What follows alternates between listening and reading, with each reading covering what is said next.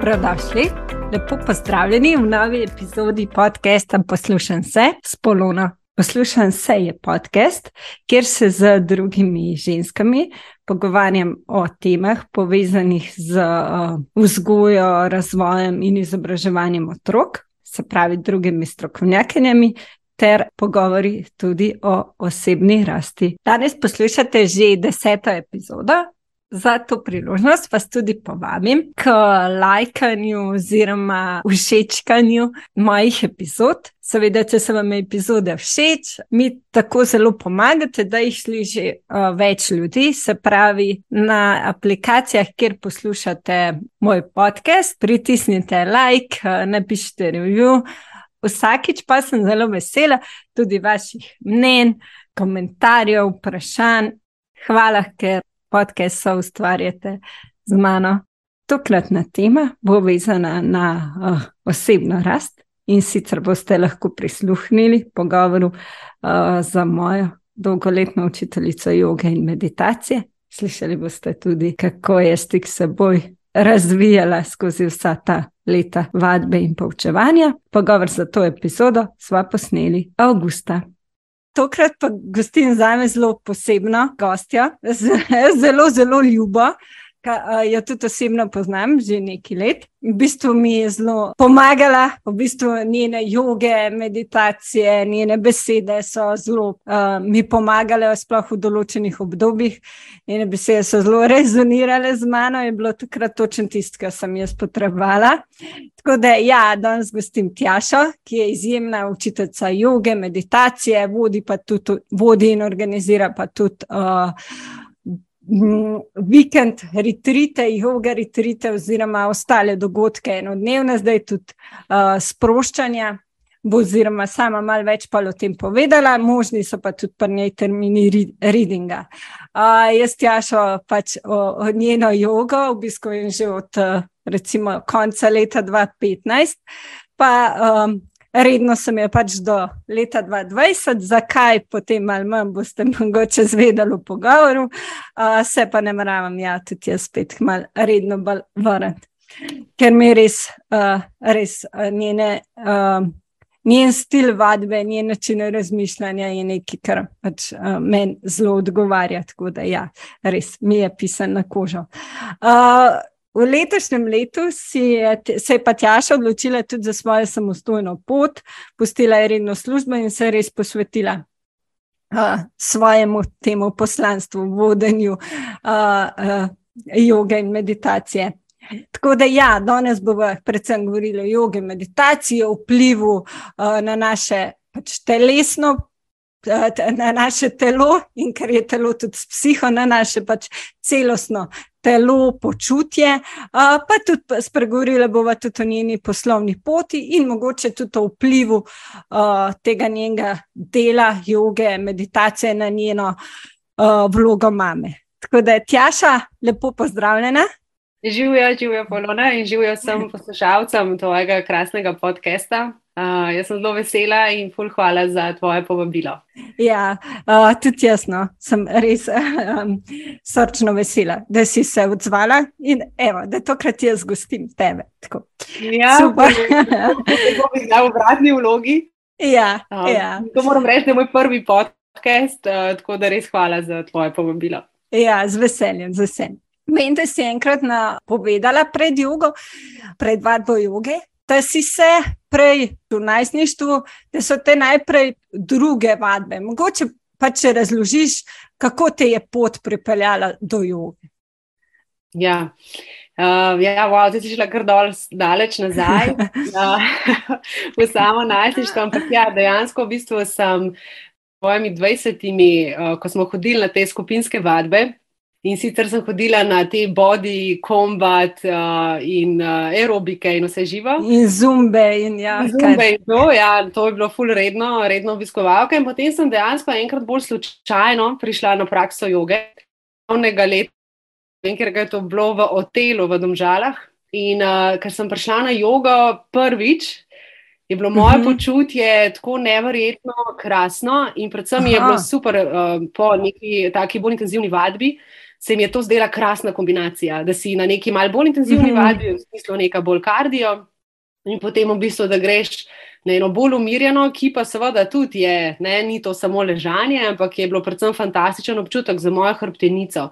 In takoj, ta prvič, ko sem bila na prvi vadbi, se spomnim, sem rekla: Wow, to bom pa izhodila. In uh, potem sem v bistvu kar nekaj časa kombinirala oboje.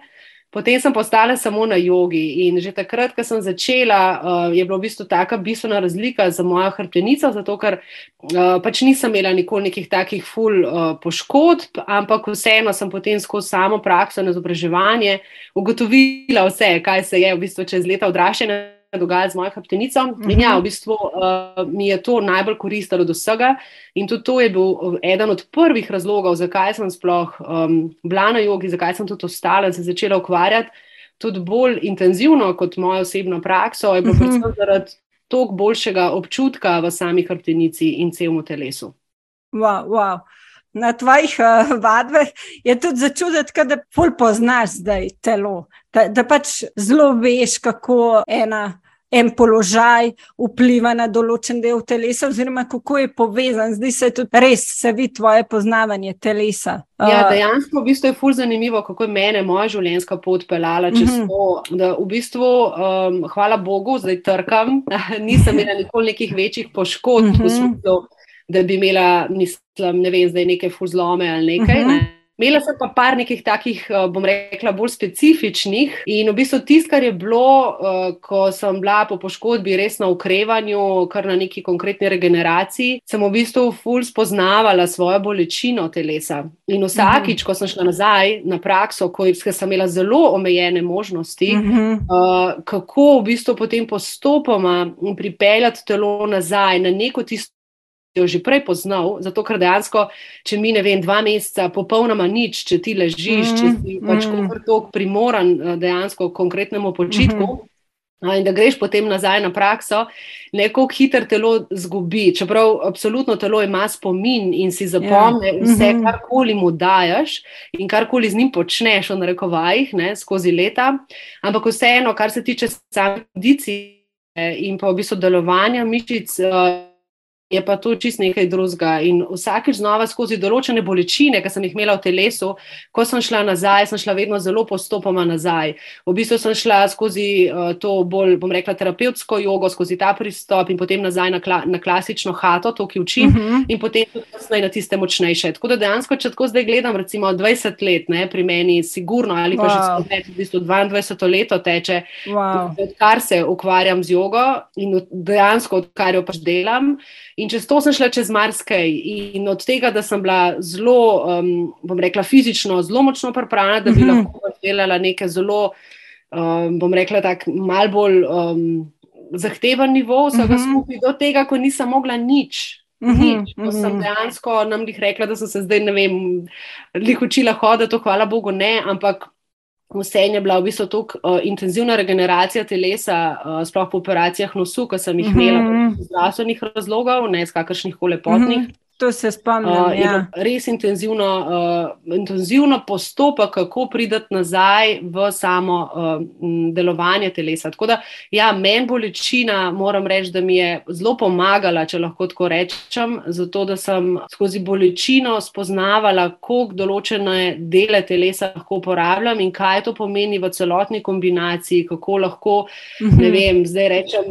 Sami vemo, da če si bolan ali nekaj, pa če te karkoli boli, že samo da zakašljaš, čutiš lahko mm. celo telo. Ali pa če kinaš. Mm. Sploh vsi, če ne vem, kam imajo, če poslušajo kakršne koli težave s hrbtenico, recimo tudi s križnimi obolenji, mm -hmm. križne, pogosto pojav, sploh pri ženskah, pri mamah, ne tudi pri nosečnicah in tako naprej. Mm -hmm. um, dejansko, v bistvu, če imaš težave v križno-ledvenem predelu in uh, takrat je samo en, en kašelj že tiskate, lahko vse boli. Ne? In kako v bistvu postopoma potem prideti nazaj, uh, kako, in tudi nekako bom rekla, da razumem, ali pa tudi zanima me ta del telesa, se pravi, kako uh mhm. -huh. pomaga človeku, recimo, če ima težave, ne vem, za pesti, ali je to krpalni kanal, ali so to neke uh mhm. -huh. poškodbe. Ali kako ne vem, pomagati, eh, kaj se vem, eh, recimo po nekih, um, ne vem, po nečem, ko človek pač ne dela. Enostavno, čisto domače povedano, ko ne uporabljaš telesa, kako mhm. pride spet nazaj. Ne? Zato, ker ja, tudi v bistvu tako moram reči, da ne samo prek bolečine ali pa spoznavanja mhm. samo anatomije, pa delovanja telesa. Mene bi se tudi bolj pot vodila skozi vse ta proces, recimo od 20-ih naprej, v to notranjo umiritev, oziroma predvsem v ta efekt, ki ti ga yoga prinese kot celostna praksa. Se pravi, ne samo to, koliko ti nekaj zmoraš na nivoju asan, koliko ti zmoraš na nivoju nekih položajev.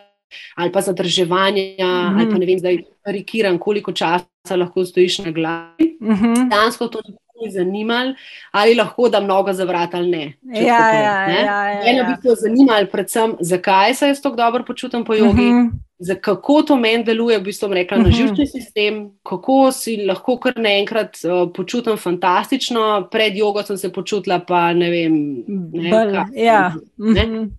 Uh, kaj to naredi. In to v bistvu men, um, mene to vleklo naprej, da sem raziskovala, da sem se izobraževala, da um, sem razumela, ker pri meni deluje vse tako, da moram razumeti, zakaj stvar pač deluje. Se pravi, ne da kar slepo verjameš. Čeprav, yeah. Ja. ne, če se dobro počutiš, se dobro počutiš. Ne, ne rabiš, yeah. da ti razlagal zadnji, zakaj se dobro počutiš, pač vse je to fantastično.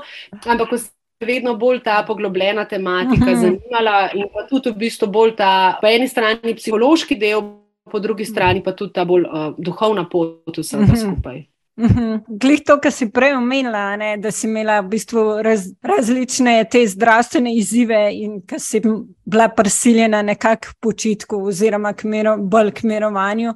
Se mi zdi, no, saj na tvojih praksah joge je res pol začutiti, da vsak, ki ima karkoli težave zdravstvene, vsakeč najdeš, to mi je res bilo vedno ful tako fascinantno in ful lepo. Pač res to obladaš, da najdeš prilagoditve, da poveš, ok, do, tukaj te boli, poskusi tako vajo, tako asano izpeljati ali pusto asano, vse je v redu ali pa kar rečeš tisti, ki vas to boli, spuste, ali pa ki vam danes to ne rezonira z vami. In to mi je res tako, kot si rekla, no, res zelo dragoceno. No, in se vidi, ja, da si na lastni koži to izkusila. Ja, ja. Dejansko ti bolečino razumeš, ko jo sam doživiš. Mm. In ko ti veš, kaj pomeni, če te ne vem, recimo, zdaj bom rekla, en najbolj takih pogostih težav je sploh pri ženskah uh, križni del, a ne mm -hmm. se pravi predel spodnega dela. Um, ledvenega hrbtenice, in ko te to res boli, ne, ti takrat niti v to osnovno asano otroka ne moreš. Ampak, mm. ko sam ne doživiš te bolečine, to ne veš, kaj to pomeni. Ali pa kaj yeah. to ja. pomeni kako nogo premakniti ali kako stopiti mm. naprej, ker dejansko ne moreš. In uh, ja, v bistvu tudi ta moja pot, bom rekla, vsega me je nekako v bistvu uh, skozi telo vodila, ne? skozi telo, mm -hmm. da sem razumela te določene omejitve, ki jih imamo. Mm -hmm. uh, ker večina ljudi imamo omejitve, mm -hmm. mi smo super stroji, tudi ne uporabljamo telesa tako, čeprav bi ga lahko, ampak glede na način življenja, tako. ki ga imamo v tem sodobnem svetu pač ali, ali večina ljudi zdaj ali presedi 8 ur na dan, mm -hmm. ali pač imaš drugo obliko, ali pa stojiš 8 ur, kakorkoli. Mm -hmm. Pa še kako imamo neke zelo podobne drže in jih ponavljamo dnevno. Mm -hmm. In uh, z tega se ravno potem razvijajo neke telesne funkcije oziroma razlike, kako mi na nek način uporabljamo svoje telo. In um, iz tega ven dejansko je tako, da pač. Um, Mi je ta pristop bližji, da imamo pripomočke, ki nam lahko pomagajo pri samih praksah mm -hmm. in ki nam v bistvu tudi lahko pomagajo, da mi dejansko dobimo nekaj od same joge. Ker pa imamo toliko različna telesa, toliko mhm. različne mm -hmm. sposobnosti, tudi različne, ne vem, neke poškodbe od zadaj, tudi če so to stare, kako koli. Mm -hmm. In seveda naše telo pač ne dela več tako, kot bi recimo v redni praksi vsak dan. Mm -hmm. In iz tega ven, ja, se mi zdi to zelo pomemben del pristopa pri poučevanju stanju joge, da um, nekako skušaš razumeti te določene omejitve in seveda mm -hmm. pomagati telesu pri tem, ne da ga siliš v nekaj, ali pa -hmm. predvsem da z glavo razmišljaš, da to je pa ful dobro, to pa meni ali ful dobro zgleda, ali je ful fajn, ali pa le kaj ona mm -hmm. lahko naredi, ne bi pa tudi jaz. In se dejansko nekako siliš v to smer. Ja, mm -hmm. absolutno, ja, ja ne tako tudi sama joga skozi oči postopoma in predvsem z oglašenostjo.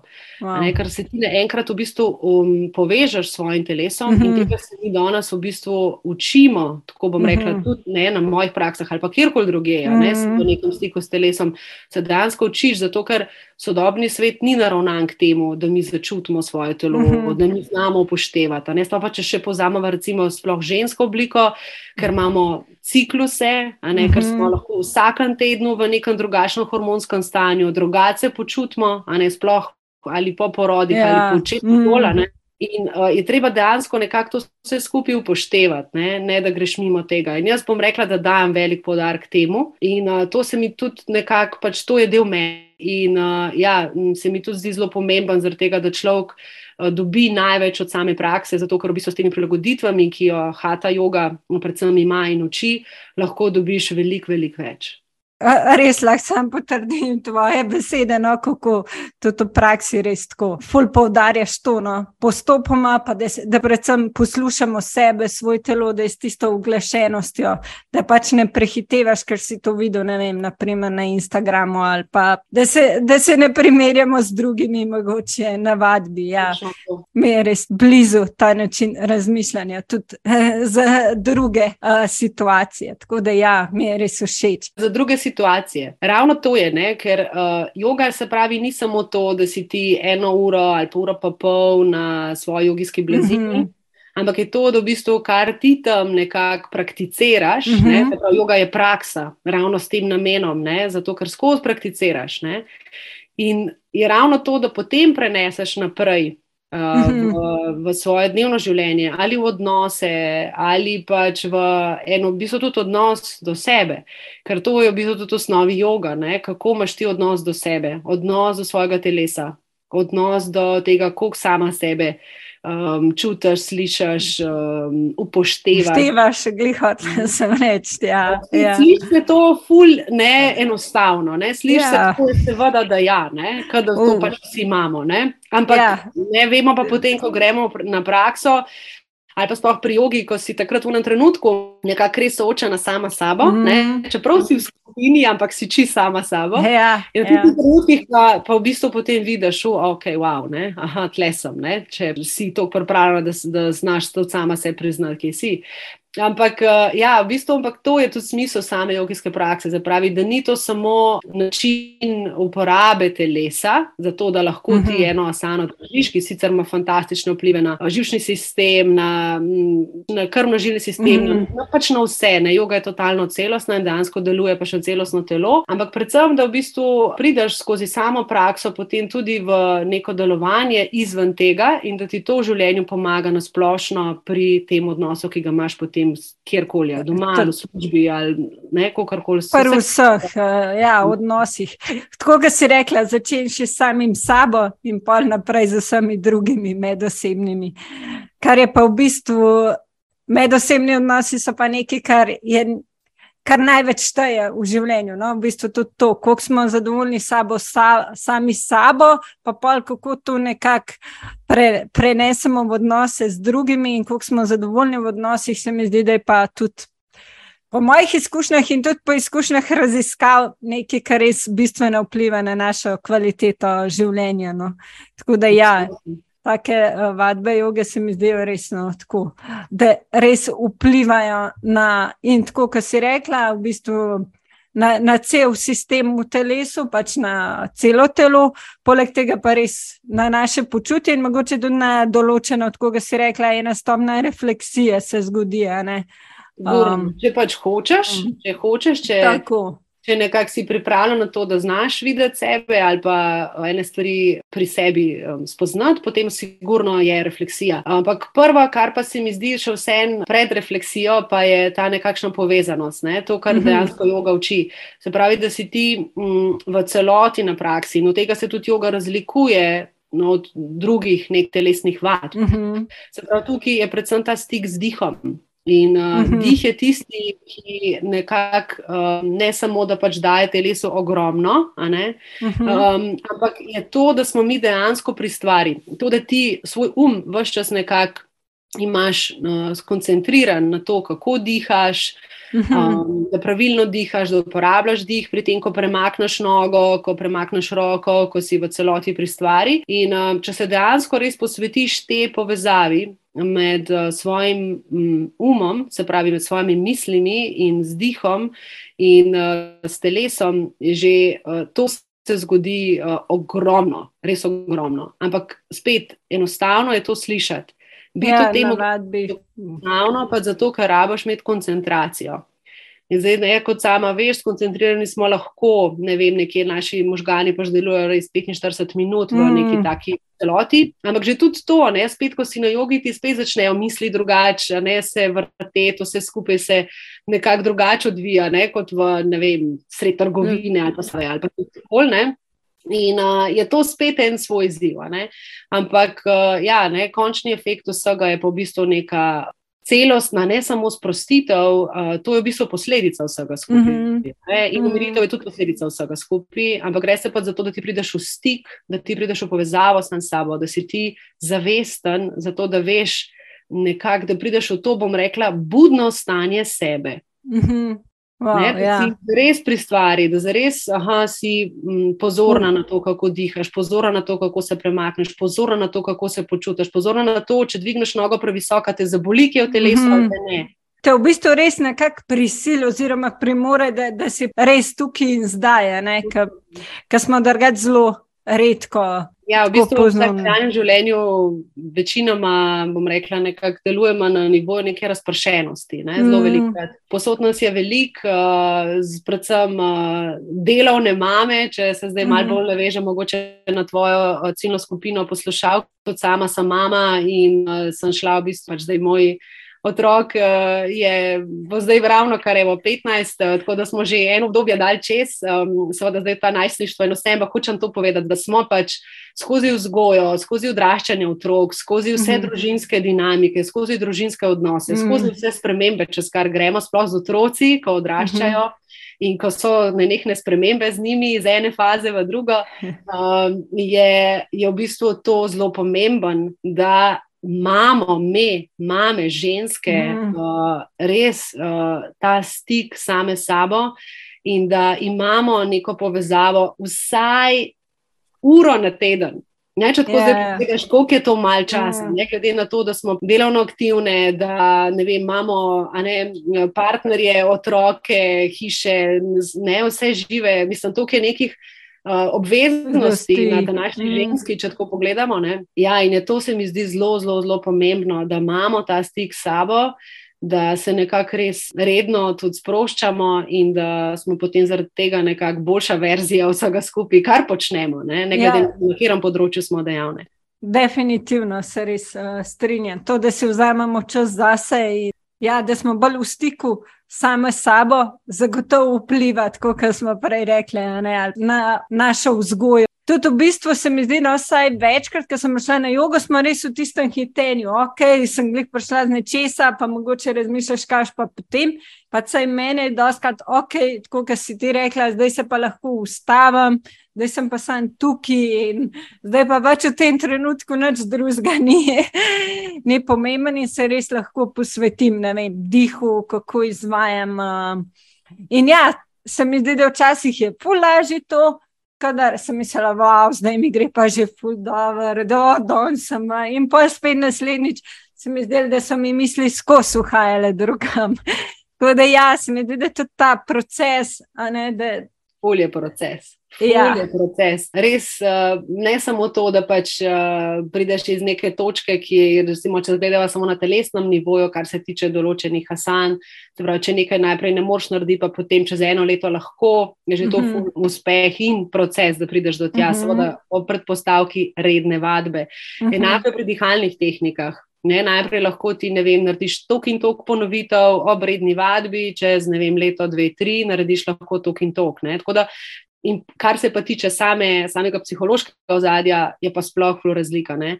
Um, v bistvu um, že misliš, da nekako, wow, zdaj pa lahko vem, držim koncentracijo, vse, potem te pa nekaj čisto obrne v življenju ali karkoli, karkoli se ti zgodi, te mogoče ne vem, kaj pretres, karkoli se dogaja, uh -huh. zdaj v tem post-COVID-nem obdobju, ki še nekako mhm. še vedno smo, ki je pač na vse ful vplival. Uh -huh.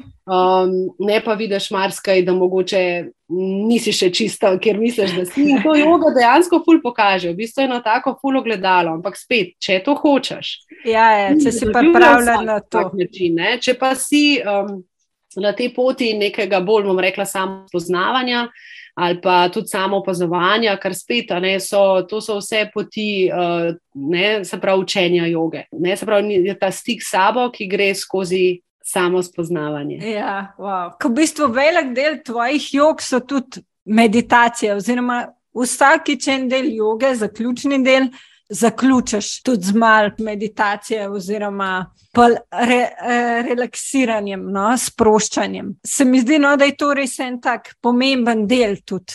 Kako si že od vsega začetka, recimo, ki si uh, učila, poučvala jogo, si to skozi vključvala, oziroma si to pol začela, kako te je pot vodila do tega? Do meditacije me je pot vodila skozi jogo, začetka, ker sem hodila na hata jogo, tudi uh, izobraževanja.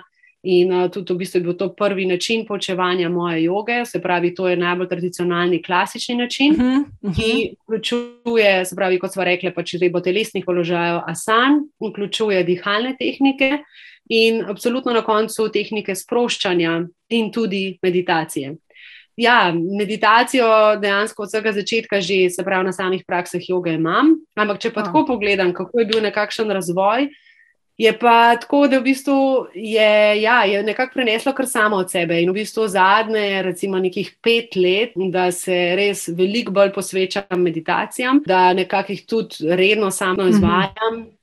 Uh, in jih tudi zaradi tega toliko več vključujem uh, uh -huh. v mhm. samo prakso joge, predvsem v bistvu na Hata 2, ker je že pač za tiste, ki že malo dlje časa hodijo, uh mhm. -huh. imamo absolutno tudi kdaj kakšne daljše. Drugače pa ja, sem v bistvu začela potem tudi prav samo z meditacijami, se pravi, ne, da uh, prideš samo na meditacijo brez uh, joge. In uh, ja, tukaj pa v bistvu pot vodila, bom rekla, bolj skozi nek ta uh, duhovni razvoj. Uh, v bistvu me je nekako uh, sama meditacija kot pot uh, neke notranje usmeritve, notranjega poglabljanja in predvsem uh, neke globoke umiritve, sama, kot bom rekla, nekako poklicala. Uh, tako da sem v bistvu z tega potem tudi začela bolj uh, uporabljati to pot in uh, tudi veliko uh, več sama meditiram. Tako da dejansko v bistvu tudi zdaj je to neka moja redna praksa, da meditiram dvakrat na dan, zjutraj in wow. Pa potem, v bistvu, skozi vse, kar se je dogajalo, jaz sem v bistvu se zadnjih deset let res tako full intenzivno izobraževala, vse čas v bistvu zraven joge, mhm. službe, uh, otroka, družine, vsega skupaj sem imela skozi uh, izobraževanja. In uh, ja, tudi na tem delu je bilo veliko, uh, tako da sem v bistvu potem delala tudi uh, vsa izobraževanja, kar se tiče prav pranik healinga.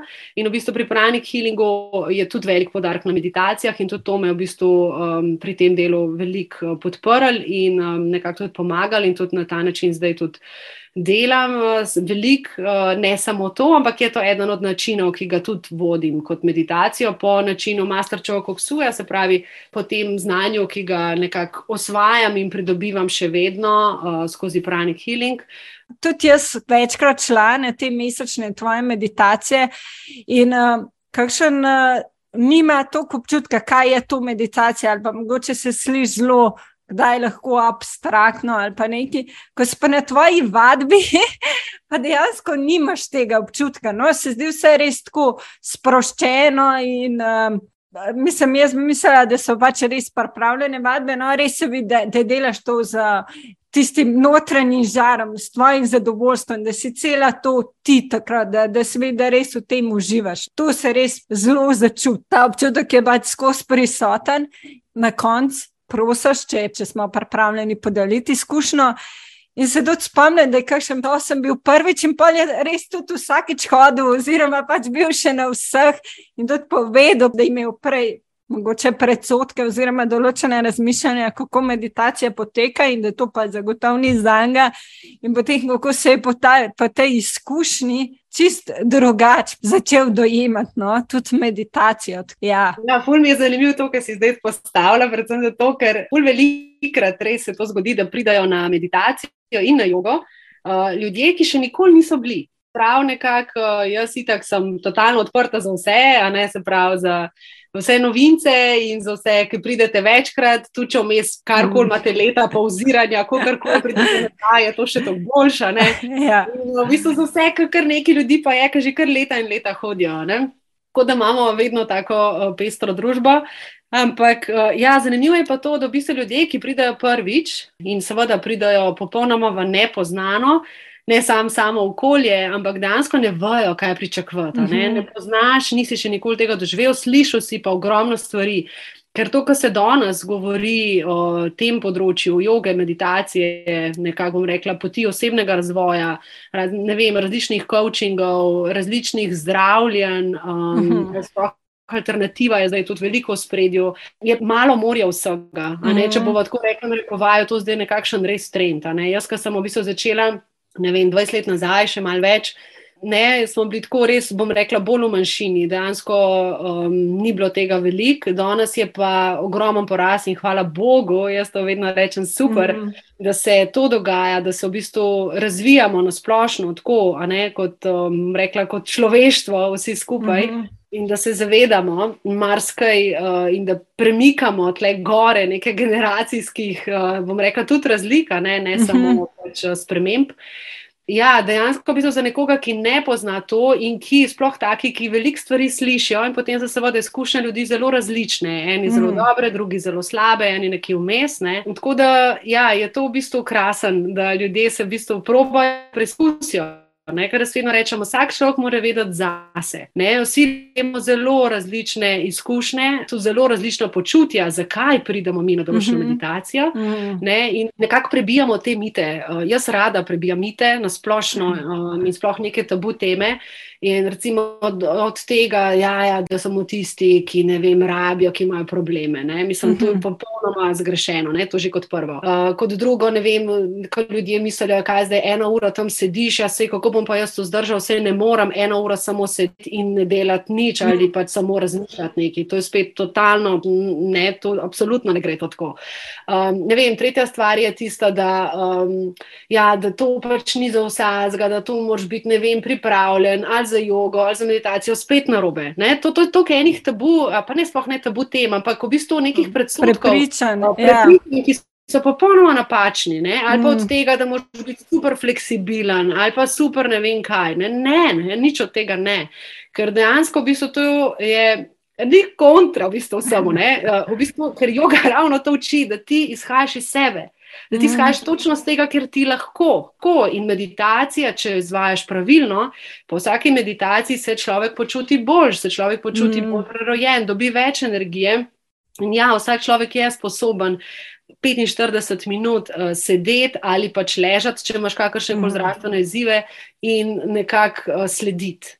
Mm. Uh, ker v bistvu moje meditacije so vodene, uh, razen pa še določenih yoga vikendih, ko imamo pač tudi druge načine, druge pristope, mm -hmm. ampak um, drugače so vodene in dejansko skozi to v bistvu človek nekako potuje v tistem svojem svetu, ki ga doživlja v sebi. In uh, spet m, vsak to doživlja popolnoma um, po svoji izkušnji, ampak um, ja, bistvo pa je, da se ti v bistvu po vsaki taki praksi počutiš boljši ali bolj v stiku s sabo, ali z, večjo, z večjim mirom v sebi, ali z večjim veseljem, ali z neko novo voljo, ali ne vem, pač na splošno se zgodi neka sprememba. Ja, to se res čistrinjam. Meni se je večkrat zgodilo nov pogled, pa tudi to, no, boljše sprejemanje. To, kar je. Se mi zdi, da lažje sem sprejemala, spre, sprejemam pol po jogi, meditaciji. No? Tako, res tako so vodene in uh, se mi zdi, da na začetku mogoče je res to lažje. No? Tako da ja, mi je super, da si mal uh, razbila te. Mite v narokovajih, oziroma te prepričanja, ki se mi zdijo pogosta, in je škoda, da so v bistvu. Ja. Uh, nekateri, kot si že rekla, res se mi zdi, da imaš zelo zveste, kako bi rekla, jogiste, na kateri res uh, zelo redno, že deset, bi rekla, skoraj že desetletja te hodijo. No? Ja, se ja. res vidi. Um, moram reči, no, mogoče kar me je presenetilo, da je čez dalje več bilo tudi moških, da je velik pretep, mogoče na jogi, da niso, kot bi mogoče jaz prej mislila, imela to mnenje, prepričanje, da na jogo pa hodijo pač same ženske ali pa na meditacije. In pogosto sem pretep pol videla, da je bilo tako, tudi kar velik delež moških, kateri pač pari, mož, žena, kako koli. Ampak uh, doskrat je bilo tudi, da je mož ženo prepričal. Tako da mi je bilo res fascinantno no, iz tega ja, vidika. Ja, no. ja, ja, res je to, res je to. Mislim, uh, definitivno yoga je za vse, absolutno ni to samo ženska stvar. Če sploh pogledamo za nazaj, tradicionalno uh, v Indiji, se pravi v sami zibelki uh, jogijske tradicije, so v bistvu jogo izvajali moški. Ne? Mhm. In v bistvu, ko se je potem to kasneje prenesel v ta zahodni svet, uh, in zdaj to, kot smo mi pač naučeni, in tako kot se mi učimo tukaj, je, je to zdaj potem postala bolj ženska praksa. Ampak to, če tako rečemo, vzhodna praksa, ki je to zdaj zahodna praksa ženskega dela. Ne? Ja. Ampak, uh, ja, v osnovi pa absolutno je voga za vse. Se pravi, od, uh, ne vem, ne, tudi za otroke in tako naprej.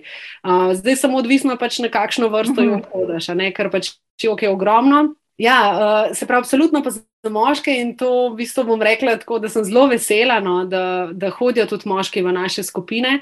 Uh, čeprav se velikrat to zgodi, da moški vseeno rabijo malo drugačno vojo mhm. prakse, uh, tudi mogoče malo bolj intenzivno. Ampak vseeno, v bistvu tudi uh, ja, na yoga vikendih je to zelo pogosto, ker velikrat uh, se zgodi, da pridajo v paru in vedno vabim.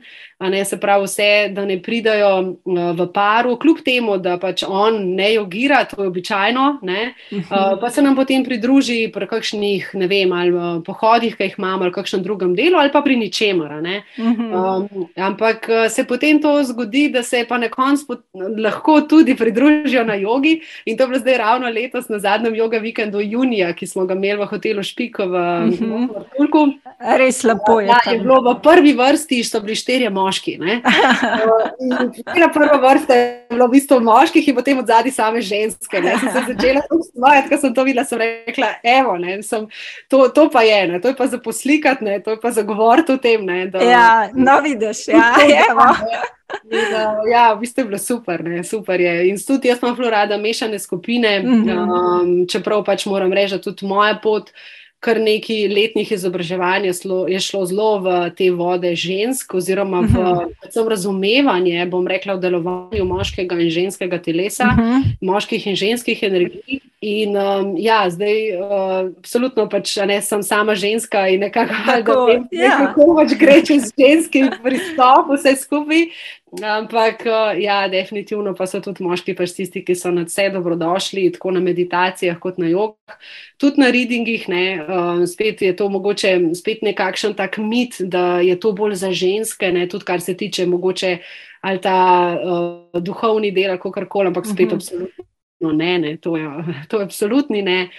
In uh, dejansko pa čisto vsi gremo skozi uh, svoje spremembe, čisto vsi smo tukaj zato, da nekako uh, gremo skozi neke procese, razvoje in da se nekako učimo v ljubezni, učimo v spoznavanju sebe, odnosov uh, in uh, nekako deplujemo čez vse, kar, se, kar nam življenje v bistvu daje. Kar si lepo to opisala.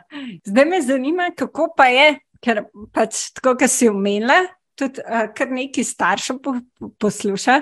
Mogoče, kar si že prej omenila, kako pa je po tvoje ta del ukvarjanja z jogo, meditacijo vplival uh, na tvoje starševstvo oziroma materinjenje. Kaj še zanimiva beseda. Ja, v bistvu, če za vse, ne, zdaj še prav 15 let, ne, ja. je, je to že nekako del mojega življenja ko kombiniram različne vloge, uh mhm. -huh. biti mama, biti jogistka, biti zaposlena, biti učenka, biti učiteljica. Ne vem, zelo različne vloge imam uh, v življenju, ampak sigurno je mama ena izmed naj, najbolj srčnih in najbolj veselih in srečnih, ki jih doživljam. Uh, da, kako je to v bistvu vplivalo, absolutno bom rekla, da um, skozi to notranjo pot razvoja in procesa, kako sem sama sebe dojemala, kako sem dojemala svoje telo, kako sem dojemala te začetke, uh, ko bom rekla, da mi mogoče prvo leto, čisto iskreno, uh, mi je bilo tako, bom rekla, predvsej izziv, zato ker ne vem, se v tistem času mogoče sploh še ni to govorilo o teh stvarih, kot se danes. Uh -huh. uh, Nekako je bil mi izziv, glede vsega, glede tega, kako jeti zdaj naprej kot mama, pa nisem imela težav ne z dojenjem, ne z ničemer, ampak vseeno uh, mi je bil uh -huh. izziv, bom rekla, to prvo leto, kako nekako vse skupaj pelati. In um, začela sem se potem z jogo spet ukvarjati, v bistvu, ko sem nehala dojiti in ko sem šla nazaj uh, v službo in sem si vzela tisto uro časa, da sem šla v bistvu na prakso in mi je zelo pomagalo, da sem spet prišla nazaj. Um, v, v tisto svojo rutino, v neko, v nek vse tisti kratek stik, ki ga pa še lahko tisti uri v tednu dobiš. Potem sem videla, da v bistvu brez tega nekako ne morem in sem to nekako komponirala noter. In potem sem se tudi zelo takrat uh, vrgla v tudi jogo za otroke, sem šla tudi na izobraževanje, mm -hmm. sem potem kar nekaj let vodila jogo za otroke in v vrtu in v bistvu svoje skupine. In v šoli, tudi potem, ko je v bistvu moj val odraščal, sem imela tudi v šoli par skupin, v bistvu za njegov razred. Tako. Uh, tako da sem v bistvu potem nekako čez to um, tudi zorela, tako bom rekla, no, uh, skozi to poučevanje. Ampak ne samo to, v bistvu tudi osebno, kako je to vplivalo na me, uh, sigurno pozitivno, ne, sigurno ful dobro, zato ker bolj, ko je ženska nekako uh, v stiku s sabo, mm -hmm. bolj manj imaš nekih teh izpadov, ne, ker te velikrat pri otocih marsikaj preseneti ali pa marsikaj ne moreš kontrolirati ali pa predvidevati mm -hmm. naprej. Ampak odreagiraš v sekundi pač s tistim, kar imaš v sebi. Ne? In zdaj, več ko imaš neke te uh, prakse, um, lažje v bistvu ti gre. In jaz sem to spoznavala, kako v bistvu sem veliko uh, drugače, pa veliko lažje odreagirala pri nekih situacijah, kot pa bi, če ne bi bilo tega. Ne? Zdaj spet, če bom rekla zelo po domače, ni me toliko ven metal. Ja, ja. ja. Ni me toliko ven metal. In uh, tudi glede na to, da v bistvu sem se jaz potem rešila s svojim partnerjem, s katerim imam otroka in v bistvu sva pelala potem deljeno skrbništvo, oziroma ga še zdaj. Uh, in sva v bistvu šla tudi čez. Um, čez To novo postavitev, uh -huh. ki spet ni bila enostavna, uh, Uh, in nobena taka stvar ni enostavna. Uh, in v bistvu mi je tukaj praksa zelo dala, predvsem zato, da sem se usmerila v reševanje, uh mhm. -huh. da sem se usmerila v to neko, kako ne rečem, nek konsens v bistvu vsega uh mhm. -huh. skupaj zato da uh, smo najdel pot, zato da uh, je bil predvsem, da smo bila, so ohranila ta stik biti starša, da smo um, nekako res dala v spredje otroka uh, in ne svoje ali ambicije ali koristi ali kako koli. Mm -hmm. Ampak da nekako smo v bistvu pelali zgodbo naprej in tudi moram reči, da danes smo v zelo dobrih odnosih in tudi predeljeno skrbništvo, itak moraš biti, drugače ti ne pije vode. Ja. Na prav način. Uh, tako da, ja, v bistvu je, je bila ta moja pot uh, z jogo in meditacijo, mislim, bom rekla, če zdaj za nazaj gledam, edina možna. Uh, mi je tudi v bistvu čez vse zelo, zelo pomagalo, no? da sem uh, nekako ohranila uh, sama sebe, da sem ohranila se nad gladino in uh -huh. da mhm. sem bila tam, tako kot je bilo um, pač potrebno, da sem bila za otroka, da sem wow. bila v bistvu zase, da sem nekako pelala to novo samostojno pot da smo danes v bistvu vsi nekako veseli in ok. Oh, wow. Tako najprej srca hvala, da, da si delila no, te pomembne teme, ki se mi zdaj res pomembno o tem govoriti. In prvič o poporodnem obdobju, kar, kar si rekla, verjetno se res 15 let, no, ko je uh, bilo pri tebi to nazaj, ni o tem govorili, no, na srečo vse, ja. če dali več, ampak ja, je še vedno zelo pomembno, da res govorimo o tem, pa tudi res o teh razhodih, tega je tudi čez dalje več. In se mi zdi, no, da je zelo pomembno, da o tem govorimo no, in uh, med sabo, in tudi z otroki, potem pa seveda na starosti prilagojen način. Zelo pomembne teme si odprla, tako da res hvala, da si delila to uh, z nami. Hvala. Ja, so to res uh, lahko izjemno, izjemno težka, stresna obdobja. In, ja, in da če želimo res v, do, v najboljše dobro vseh nas, ne, in nas samih, in seveda otrok, pelati je res pomembno si poiskati nekaj, kar nas hrani, oziroma nam pomaga zelo, da znamo potem lažje se soočati s temi uh, situacijami, okoliščinami. Tako, uh, ja. To so take stvari, kot je v bistvu presenetijo v življenju. Ne? Ko mm. enkrat sama veš, ko imaš otroka, ko imaš mm. družino, absolutno si tega scenarija ne predstavljaš ne? in uh, ga absolutno noben noče. Ampak, ko pa pač stvari v življenju prepelajo po svoje in se nekako to zgodi, si pa potem soočen s tem, da um, greš čez to, oziroma pač ostaješ v odnosu, ki pa te mogoče ne podpira. In zdaj uh, vedno je večna dilema, kako bo to vplivalo na otroke in uh, mm. kako. Ka, bo, kakšna škoda bo, ne? ali bo, ne vem, zdaj mm. rekovajih rečem, škoda to, da ostaneš v odnosu, v kateri te ne, na nek način ne izpolnjuje, ali pa pač nekako drug drugega ne, nekako ne pelje, ne, ne usrečuje. Mm -hmm. Ali pač ker veliko odnosov tudi ostaja za voljo otrok. Mm. Uh, ali uh, greš naprej uh, v neko novo zgodbo, ki je popolnoma nepoznana, ki res ne veš, kaj te čaka ko se pa zavedaš, da si nekako uh, sam ne, v, mm. v vseh plateh. In ne zdaj, kako peljati pa to zgodbo naprej. Ne? Tako da tukaj je tudi ta neka večja dile, večna dilema. Mm. Um, pa tudi mogoče, pol, ko se za nekaj odločiš, ne? te še nekaj časa potem grize to zadaj, ali si se prav odločil, ali se nisi, ali bi bilo lahko kako drugače, ali bi lahko drugače boljš, mm. ali kar koli. In zato je tudi tukaj zelo pomembno, da si v tem iskrenem stiku in v iskrenem odnosu mm -hmm. S sabo. Ne, tukaj je zelo pomembno, da si v bistvu nalijaš uh, poln kozarec uh, čistega odnosa do sebe in uh, da si nekako res. Um, Ja, iskren, ne, da vidiš, v bistvu, kako in kaj, in uh, da si potem tudi iskren v odnosu do otrok. Ne, ja, definitivno. Tukaj se mi zdi, da tudi mi, kot generacija, ful premikamo meje, ker saj v pač, mojem času odraščanja smo mi pač nekako dosto vzgojeni, pa tudi takrat je pač tako nekako bilo mm. v sami kolektivi, da se v stvarih ni govoril, uh, da so se bolj popometale pod preprogo, da je bilo pač um, nekako veliko, veliko enih tabu tem, ne, ki jih zdaj sicer mi zelo uspešno prebijamo. In, ja, in tukaj tudi, ne, enako je bilo tudi pri tej smeri. Ne. Se pravi, jaz se z mojim valom veliko stvari pogovarjam, ker mhm. verjamem, da pač je pogovor, ja. ki, povezuje. Um, Res je.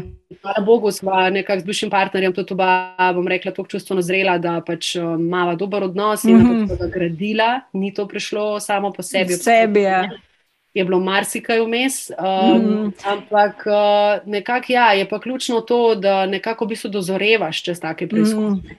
Ne da ostajaš v nekih svojih zgodbah ali pa v nekih svojih, um, ne vem, kaj ne rečem, zamerah ali pa karkoli, mm. ne vem. Ne? Ampak da res v bistvu greš čez to in da mm. Ja, je pa v bistvu tudi, da seveda vsi skušamo biti dobri starši. Vsi, vsem je to pač največ, sploh imamo otroke, mm. ne, želimo pač jim omogočati najbolj, dati največ in tako naprej. Ne. In ko imaš eno tako izkušnjo za sabo, m, mm, ni najbolj. Ne bom rekla, sladka izkušnja, predvsej mogoče prej grenka.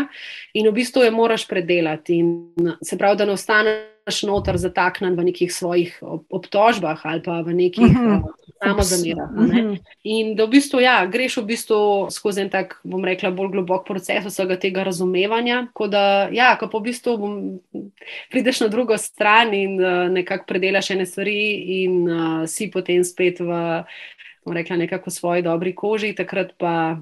Uh, dobiš eno veliko širino razumevanja vsega. Ne? Tako da uh, s tem tudi v bistvu otroku potem marsikaj omogočaš. In jaz sem predvsem zagovornik tega, da um, ne glede na to, ali si skupaj v odnosu ali nisi, mm -hmm. da pač delaš na neki harmoniji odnosa in na tem, da se stvari dajo pogovoriti, dajo se rešiti, dajo se nekako prilagoditi, kako koli. Imamo različne kombinacije, se pravi, mi pa pač, hvala Bogu, nekako tako lahko peljava. Ampak gre pa za to, da v bistvu gre nekako dobro otroka, in jaz sem zagovornik tudi tega, da se v stvari uh, sooči, da se pogovori da peleš zgodbo direktno, tako kot je. Mm, ja, ne, ja. v bistvu za voljo nekih kompenzacij in za voljo nekih koristi um, greš neko tako zgodbo, ki za moje okuse ni čista. Ja. Uh, se strinjam s tabo, ne, da, da v bistvu res ti, kar si rekla, ta večna dilema. Ne, ti se mi to, kar si tudi tvoja izkušnja povedala, da je v bistvu res ful pomembno, da smo mi iskreni sami s sabo, da smo res mi v stiku sami s sabo, kaj si mi želimo, oziroma kaj je za nas uh, sprejemljivo, ni sprejemljivo in tako, no, da smo res mi povezani s tem in da zase najdemo, ne da poiščemo na Google, kako je nekdo drug v, v taki situaciji naredil. In se mi zdi, da raven yoga ali pa meditacija ali pa kjerkoli drugi trenutki, ne vem, da se ustaviš, kakšna psihoterapija ali kaj drugega podobnega te trenutke čuječnosti, ki smo v bistvu bolj tako, da posvetimo sami sebi. Se mi zdi, da je v vsakodnevnem življenju gre res lahko hitro mimo nas, če se zavestno tega ne, uh, se temu ne damo toliko pozornosti. No? Tako da se mi zdi res to tisto važno, da pol iz tega izhajamo, kaj je za nas same in uh, res lahko damo tudi s tem največjo popotnico v bistvu otroku da, da res lah, smo lahko v kakšnih odnosih tudi kasneje, verjetno bolj zadovoljni, kot bi bili. Ali pa, ali pa da, da najdemo v unem odnosu mogoče rešitve skupne, ne se ne gre se zdaj, da mora biti nujno ena razhod ali karkoli, ampak ja, nekaj, da, da je za nas ustrezno sprejemljivo. In uh, se mi zdi, da je yoga in meditacija pri tem res lahko zelo koristna. Ja, yoga in meditacija sta ena od orodij. Tako. Ni eno in edino, absolutno. Tako. Tako. Je to v bistvu predvsem tudi uporaba in delo s telesom. Mm -hmm. Veda, tako kot si samo omela, so tudi mnogi drugi načini. Psihoterapija, sigurno je izmed njih, ne vem, nekateri tudi imajo gozno terapijo, če lahko. Ja, tako, tako in drugačne vrste, in tako naprej. Tako da načinov je sigurno ogromno, bistveno je samo, da pač vsak najde tistega svojega, ki mu nekako največ da in uh, ki v bistvu mu pomaga, ne? ker pač mm. imamo takšne in drugačne izzive v življenju in um, je v bistvu temu to namenjeno. Da najdemo mi dejansko svoj način, ki pa deluje za nas. In to lahko tudi ni yoga, ali pa absolutno tudi ni meditacija, ampak je ne vem, kako mhm. drugega. Tako da, ja, meni da ta, te stvari najbolj resonirajo um, in mi tudi so mi pomagali na poti. Ampak se pravi, jaz sem se itak s tem že začela prej ukvarjati. Ne? To um, se zaradi tega začela. Ja, ja, ja. Izziv, ko smo začeli na začetku govoriti, je bilo v bistvu z mojo hrbtenico in me to potem nekako skozi življenje to pelala. Ne? Je pa tudi dejstvo, da se mi zdi, da ko enkrat človek stop, um, bom rekla tako bolj polno ali pa bolj zavestno na to pot, tako osebnostnega kot duhovnega duhovnega razvoja, da nekako moraš to uštric peljati tudi v partnerstvu ali v mhm. nekem bližnjem odnosu. Um, moja izkušnja je taka in zato, ker predvsem nekako, če si tukaj noter iskren, te res, uh, bom rekla, vzame celega. Uh, mhm. ne moreš biti samo na pol v tem, ali pa ne, tako mhm. kot ne moreš biti na polno sveča, ne, pač si ali pa nisi. In, uh, ja. Enako je tudi tukaj, ne, zdaj ali si predana temu ti poti, um, uh -huh. ali pa pač ne. ne? In uh, sicer se lahko malo spogleduješ s temi stvarmi, ampak to pač ni čist. Uh -huh. Mene pa pač to poklicali celo. Ne? In um, v bistvu tako, moj partner, pač bivši, ni bil nekako v to smer tako naklonjen, čeprav je čist razumel, ampak ne, sem tukaj čutila, da ni bilo v bistvu neke take prave povezave. Mm. Uh, in nekako tudi to, v bistvu to kar uh, mogoče delam na splošno z ljudmi ali pa ugotavljam tudi prek svojega izobraževanja, ki sem ga imela, v bistvu je to eden tudi dostojnih dejavnikov, ne? da nekako mm. lahko vpluješ, da je vse človek odprt za to in da nekako v bistvu tudi to predstavlja del življenja. Ne? Tako da, ja, tukaj se mi zdi to pomemben z roko v roki, no? da nekako mm. to lahko vpluješ. Ne? Ker tudi zdaj, recimo, jaz sem že toliko let v tem, tudi vidim, da dejansko nekako se potem čez leta tudi spremenjajo neke ravni odnosov, prijateljstv, uh -huh. povezav in tako naprej. Tudi zato je mene tako poklicali, da sem postila redno službo, um, kateri sem na, pač zdaj na koncu poslena 12 let, pa že pač wow. tudi prej. Um, sem imela skozi v bistvu ne, redne službe in sem v bistvu ob tem nekako se izobraževala in ukvarjala z jogo in tako naprej. Um, zdaj sem prišla pa do točke, ko enostavno več obojga nisem mogla. In um, nekako, v bistvu, ko sem se res uh, tako v celoti temu predala in odprla, ni šlo več. Ne? Nekako je z tiste ravni nekega dodatnega zanimanja in izobraževanja prišlo na to, da sem se sama s sabo pogovarjala in da sem rekla, ok, ne, zdaj se podločne, zdaj pa ne. Spet bom rekla, na rekovajih sem dovolj stara, ne, da se lahko odločim za eno stvar v življenju in uh, z njo grem ne, tako v celoti naprej, tako da sem se odločila za to. In uh, ja, nekako um, sem v bistvu tako na začetku no, neke nove poti. Ja, in bomo pač videli, kako se bo vse odvijalo. Uh. Je. Pač je, ne, tako me je poklicali in absolutno mi ni žal. Mislim, v bistvu moram reči, da ni bilo, tudi to ni bilo enostavno, uh -huh. službene, saj pač mene. No. In uh, šele potem, v bistvu, ko sem šla na to res svojo samostojno pot, sem videla, koliko je v bistvu sistem ugraviran. Uh, uh -huh. Oziroma, po mojem, da nas kar neki na tak način uh -huh. uživa, sploh vsi, ko smo šli iz sistemske ureditve. Uh -huh na mhm. samostojno pot. Zdaj, če ti greš iz menjave službe v službo, ko še vedno si v tem nekakšnem uh -huh podobnem urniku, delavniku, teh obveznosti in tako, se mi zdi mogoče manjši, manjša razlika, manjši razkorak. Uh mhm. -huh. ne, jaz sem pa dejansko iz res, eh, bom rekel, kar dosti konkretnega sistema uh -huh. uh, v, pač v svoje, pa kljub temu, da sem imela že prej pač skozi vse. Ja, ja, ja.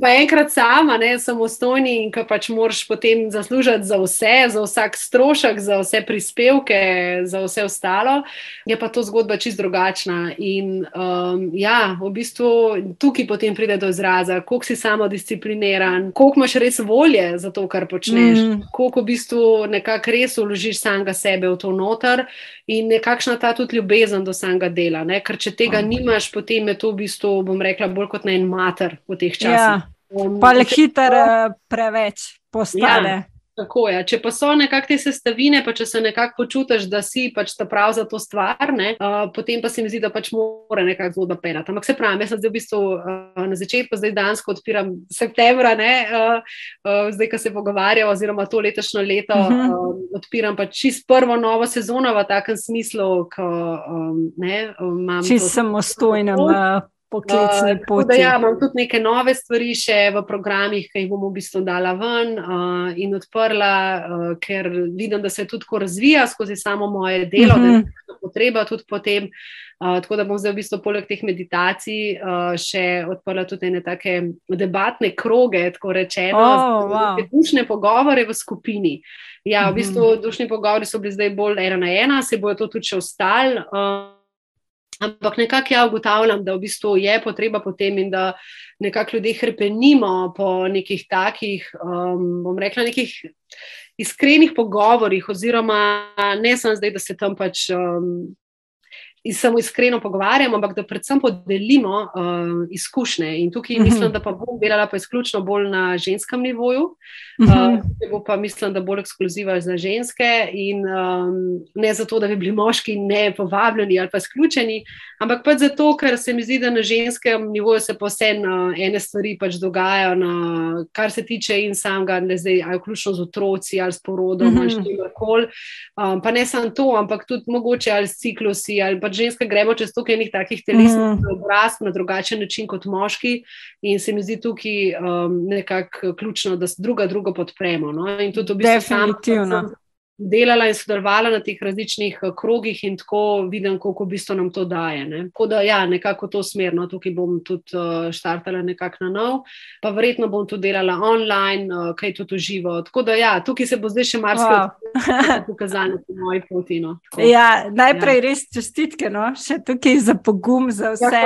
Ja, verjamem, verjamem, da je pač na tej poslovni poti, čeprav si tako, kar si rekla, bila že s tem v bistvu zdaj že res veliko let spet upeta, ampak verjamem, da se enkrat res čez na samostojni poti, je res velik preizkušen kar res potrebuješ najprej tudi uh, pogum, da se jih lotaš, oziroma da se soočaš ja, z njimi. Veš, kako ne. Uh, lani v bistvu so me, ne, je bilo zelo različni odzivi pač ljudi, ne, ampak uh, en izmed tistih, kaj v teh časih greš ne, na svojo pot, o bog, ne, uh, do drugega, ne, ker so bili pač uno, ne, velike čestitke in bravo. Ne, tako da ja. seveda, so zelo različni, ampak seveda vsak sam zase ve, kdaj pač je tisti čas, ki se zgodi, da pač um, obrneš na na list papirja in uh, rečeš, ok, ne, gremo na novo.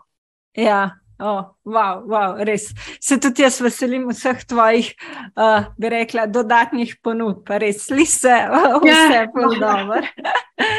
ja. Jaz pripra sem pripravila okvirno vprašanje, ampak meni je ful boljš tako sprot, uh, biti čim bolj čuječa in se odzivati na, uh, na tvoje razmišljanje, odgovore. Če ti misliš, da smo kaj pomembnega uh, izpustili, oziroma bi dodali, prosim, pač kar povej.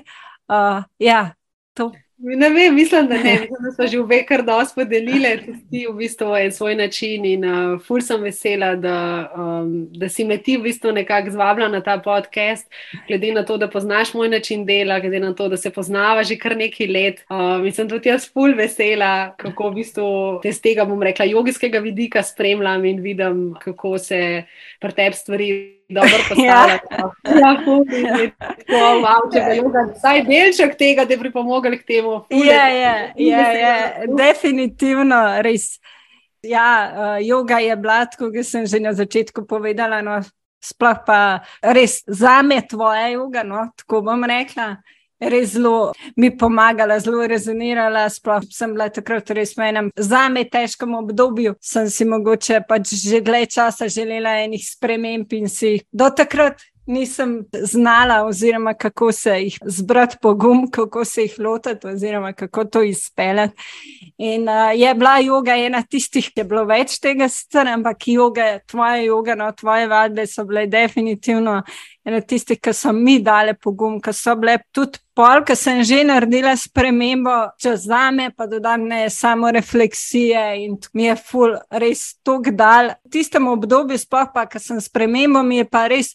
Tvoje besede so bile res tako rezonirale za me, glih o spremembah. Sem videla, kako to vpliva in na moje počutje, in tako ga si rekla, in dejansko na telo, ker sem res redno takrat hodila, sem res opažala, no, kako je ne stvari lažje z lahkoto, tudi mogoče kakšne zakrčenosti, ki jih pač imam kako sem jih lažje premagvala. No. Pa tudi sploh joga vikendi, ki so mi dali in nova poznanstva, res so mi res fulenih novih možnosti odprli tako, in sem res tako hvaležna. In ce, cela joga vikend, ta izkušnja, in tudi, kar si dala um, zastavljati, ki mogoče takrat, če ni bilo to, to, se mi zdi, no, saj jaz nisem to zasledila si imela tako jugo vikende zastavljene, da, da smo pač imeli sprehode v tišini, ker verjetno še zdaj prakticiraš. In to dejansko mi je bilo, pač sem bila navajena v določenem dobi, če sama na sprehod hodila, ampak mi je bilo to dejansko drugače, kot tam in ko je včasih pride tisti moment, ko oh, jaz bi pa zdaj rajskom govoril, pa probaš kdaj tudi na skrivaj, sem na skrivaj, kako koli. Ampak ja, vidiš pa pol, da so full rezultat, mislim, rezultati, da je res pol od tega, če, če si takrat sam s sabo in mogoče kdaj tudi z malo težjimi občutki, kdaj gre na izi in si pač z lahkoto. Tako, kdaj pa si soočen takrat z malo težjimi občutki in ne gre čistko, kot si si zamislil. Ja. Je pa definitivno, saj pa meni je bilo ful uh, enih učinkov. No. ja, to je pa zanimiv efekt, ne? ker joga vikendi, ki imajo ta del noter, ne se pravi meditativne sprehode v tišini, pa za nekatere, ki je to ful novo, ne, um, imajo tako najprej najprej full odpor. Mm -hmm. Da si ga tudi sama kdaj začutila, uh, kaj mi je zdaj tega treba. Ne pa zato, ker se, kot si reka, če greš sam, si pač sam, si v tišini, ne? če nisi mm. zdaj na telefonu ali pa na podcestih. Ja. Um, ampak uh, če si pa v skupini, je pa to čuden, Tako, ja. uh, zdaj, ne? da si tiho, pač ne, res nam ni to običajno.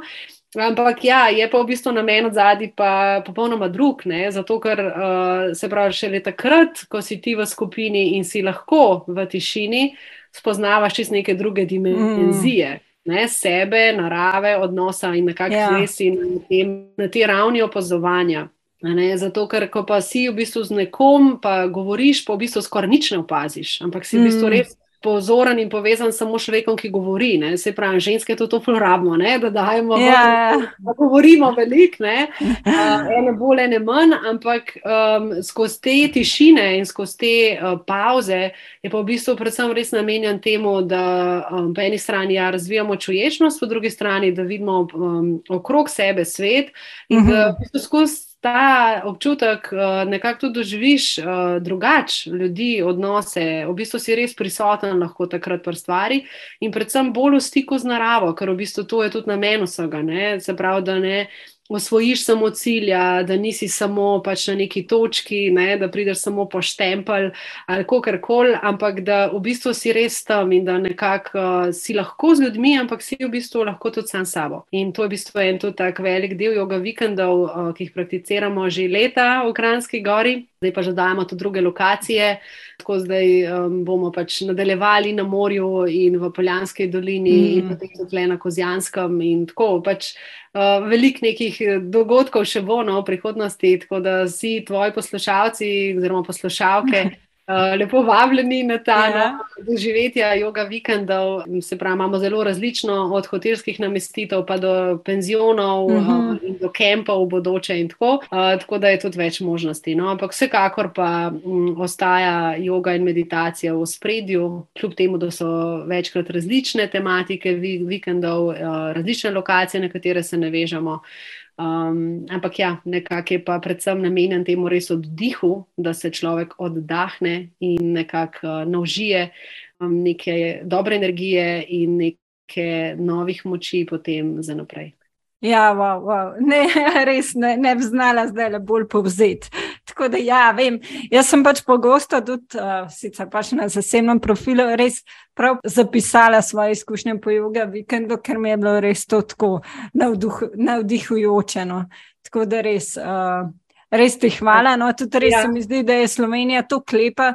Tudi meni se zdaj pač vsakeč taki lepi kotički, uh, kjerkoli sem bila, pač na jugu, vikendu, no, pa na določenih lokacijah, zdaj pa še nisem bila, tako da to je tudi če ja. želja. Tudi to no, lahko tukaj uh, združuješ. No, tako da si rekla, ja, mogoče sem prej ta aspekt pozabila, res pa tudi, ker si bolj prisoten, vidiš res lepoto narave in tako. No. Imáš res tudi take uh, lepe uh, lokacije. No, ja, lokacije so pa res izbrane. Ja, nekako um, do zdaj so se vedno tako zelo dobro izkazale. Tako da ja, vem, da bo tega tudi v prihodnje več in tudi to je ena od mojih želj, uh, da v bistvu tle zdaj nekako neko zjanskem, ker tudi začenjam tudi neko novo zgodbo. Uh, med drugim tudi, uh, da si bom tle nekako uredila in postavila neko uh, svojo kaj ti mu rečem, yoga hišo, zelo želja, wow. v wow. neki obliki ašrama. Um, bomo videli, kako se bodo stvari odvijale.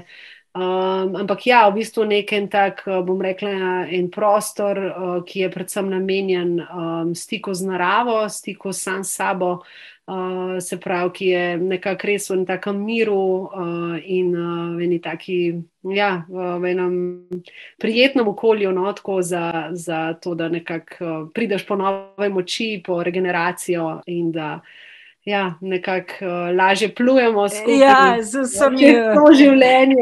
Ja, z vsemi izzivi. Prav vse. Ja, od ja. vseh lepot do uh, različnih preizkušenj in do vseh nekih um, tudi novih začetkov. No? tako bom rekla.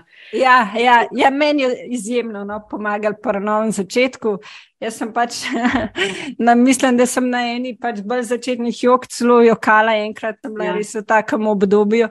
In uh, ja, res kot sem rekla, no, tvoja joga mi je definitivno res velik dala. Zdaj, ko pogledam za nazaj, pač zdaj po sedmih letih, ja, ki sem pa res zelo redno hodila, pa zdaj tudi občasno, imam pa tudi zdaj tudi druge načine in se še vračam po, o, rekla, porodniški in uh, mal pauze s tem, se definitivno me, me to še res tako vabino, zelo je prisotno in ja, definitivno.